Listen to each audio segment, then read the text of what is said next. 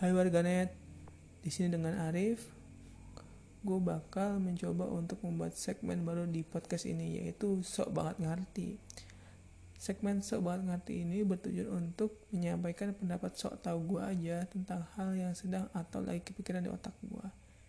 Ya daripada cuma lewat-lewat aja dan nggak jadi apa-apa, ya udah gue buatin podcastnya aja. Nah untuk episode pertama dari sobat ngerti kali ini, gue bakal ngebahas tentang lapar mata saat puasa. Episode ini dilatar belakangi oleh pengalaman pribadi gue dan keluarga yang saat persiapan buka puasa terutama untuk beli-beli takjilnya ini biasanya tidak terencana dan juga terlalu banyak karena kita itu secara emosional melihat wah kayaknya beli ini enak nih beli itu enak seperti itu sehingga kadang ketika sudah dibeli dan ketika buka puasa pasti ada kapasitas maksimal dari perut kita untuk mengolah makanan tersebut. Sehingga sebelum makanannya habis terjadilah yang namanya kekenyangan. Dan ada beberapa makanan yang terpaksa dibuang karena anggota keluarga sudah kekenyangan seperti itu. Menurut gue pribadi pengalaman gue tersebut adalah pengalaman yang kurang baik ya. Karena puasa menurut gue pribadi bertujuan untuk mengontrol diri gue sendiri dari segala hal yang bersifat negatif.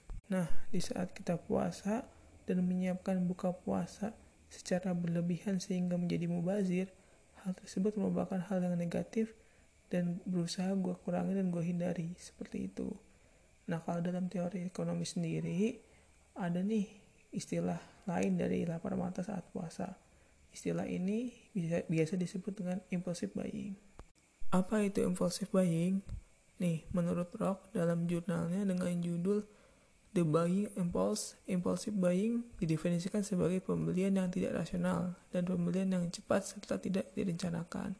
Diikuti dengan adanya konflik pikiran dan dorongan emosional.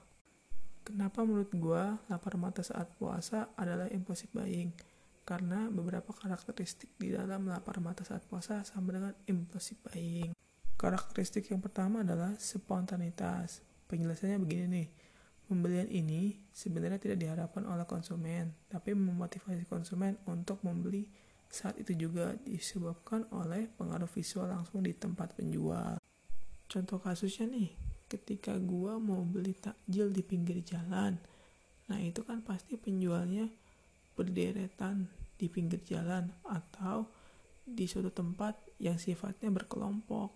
Jadi gua bisa ngeliat takjil atau makanan-makanan yang sebenarnya nggak gue rencanain. Tapi karena ngelihat makanan tersebut secara visualnya menarik sehingga gue ada rasa dimotivasi untuk membeli makanan-makanan yang secara visual menarik padahal itu tidak direncanakan sama sekali. Selanjutnya adalah karakteristik yang kedua yaitu kegairahan dan stimulasi. Penjelasannya gini nih adanya desakan secara mendadak untuk membeli barang dan disertai dengan emosi yang diceritakan dengan menggairahkan. Contoh kasusnya gini nih, ketika gua mau beli takjil untuk buka puasa, pasti sudah ada bayangan nih mau makan untuk buka puasa seperti apa. Nah, gairah makan tersebut membuat kita ketika membeli takjil menjadi emosional dan bergairah untuk makan sehingga ada dorongan-dorongan untuk membeli makanan yang tidak kita rencanakan. Seperti itu. Karakteristik yang ketiga atau yang terakhir yang menyamakan antara lapar mata saat puasa dengan impulsif buying adalah ketidakpedulian akan akibat. Penjelasannya begini desakan untuk membeli barang menjadi sulit untuk ditolak sehingga akibat negatif yang sering terjadi ketika membeli barang tersebut atau makanan tersebut diabaikan. Contoh kasusnya itu seperti yang tadi gue udah ceritain. Misalnya ketika gue membeli takjil atau makanan untuk berbuka puasa, gue nggak mikirin nih akibatnya kalau membeli secara berlebihan entah itu akibat yang mubazir karena nggak kemakan atau membuat gue semakin boros atau pengeluaran bertambah ketika bulan puasa seperti itu. Selanjutnya, apa nih yang bisa kita lakukan untuk menghadapi lapar mata saat puasa? Pengalaman pribadi gua, hal-hal yang bisa kita lakukan untuk menghindari lapar mata saat puasa adalah yang pertama adalah membuat anggaran makan per minggu atau per bulan. Ketika kita telah membuat anggaran itu, kita tahu nih batas atas atau batas maksimal konsumsi makanan kita per minggu atau per bulan.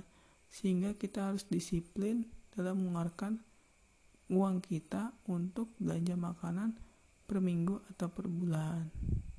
Setelah anggaran konsumsi atau makan kita per minggu atau per bulan telah terencana dengan baik, maka kita lanjut ke step yang kedua. Step yang kedua adalah membawa uang pas ketika kita berbelanja barang atau makanan. Dengan tujuan agar kita mengurangi atau mencegah kesempatan untuk membeli barang atau makanan yang tidak kita rencanakan. Kemudian masuk step yang ketiga yaitu memasak atau menyiapkan makanan sendiri. Selain lebih hemat, memasak sendiri ini ketika kita belanja lauk pauk untuk dimasak, bahan-bahan ini perlu diolah kembali sehingga bahan-bahan yang kita beli ini tidak semenarik ketika kita melihat makanan yang telah jadi maka kemungkinan untuk melakukan impulsive buying lebih kecil atau lebih rendah seperti itu. Nah, kemudian masuk kesimpulan akhir saya. Setelah yang saya sampaikan tadi, lapar mata itu menurut saya sama dengan impulsive buying dengan mempertimbangkan berbagai macam karakteristik yang dimiliki keduanya cenderung sama. Ya mungkin sekian episode pertama dari sok banget ngerti kali ini. Terima kasih udah dengerin dadah